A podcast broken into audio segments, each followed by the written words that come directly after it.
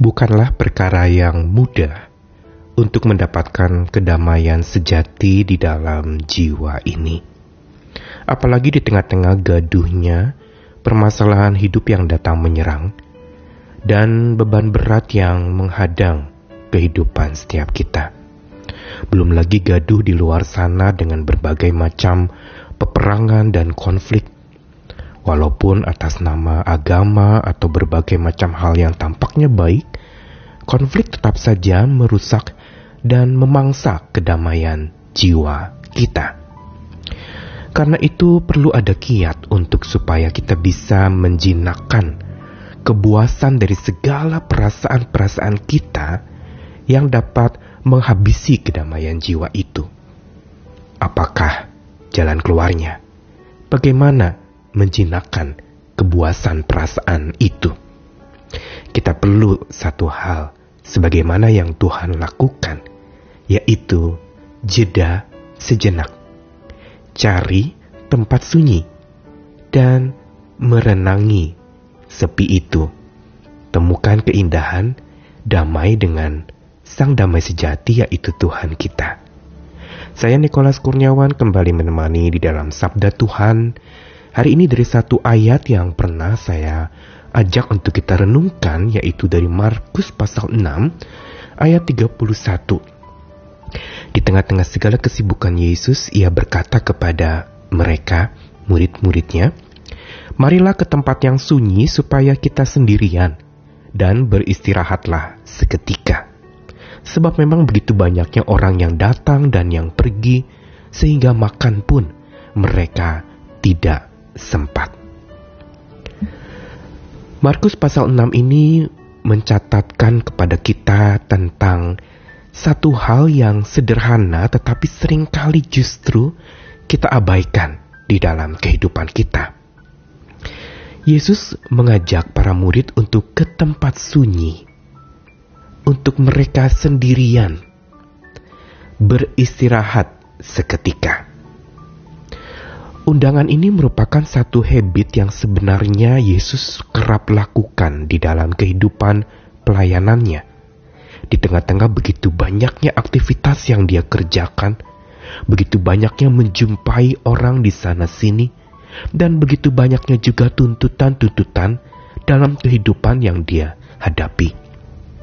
Yesus tahu betul kiat yang paling tepat untuk supaya dia bisa menemukan damai yang sejati itu. Karena kekuatan damai yang dari Allah Bapaknya itu baru dapat dia peroleh bila ia menenangkan diri ke tempat sunyi dan kali ini dia ajarkan kepada para muridnya untuk melakukan hal yang sama ke tempat yang sunyi mencari tempat yang jauh dari keramaian menyepi mengisolasi sementara sambil memperlengkapi diri untuk berelasi lebih jauh lagi dan lebih dalam, bahkan lebih kuat lagi. Apa yang Yesus nasihatkan kepada para murid ini menjadi semacam bekal untuk nantinya ketika para murid akan berhadapan dengan begitu banyak kesibukan, begitu banyak aktivitas dan kegaduhan di sekeliling hidup mereka, perlu punya habit atau kebiasaan ini. Cari tempat sunyi, menyendiri, dan beristirahat. Ini merupakan satu bentuk retreat yang saya sering sebutkan retreat ketapel. Sebagaimana ketapel itu alat untuk supaya satu batu bisa dilesatkan ke depan harus ditarik mundur. Begitu pula hidup kita. Kita perlu mundur sejenak. Kita perlu jeda sejenak untuk betul-betul memahami akan apa yang menjadi kehendak Tuhan. Sekaligus di jeda sejenak itu kita diisi lagi oleh damai yang dari Tuhan.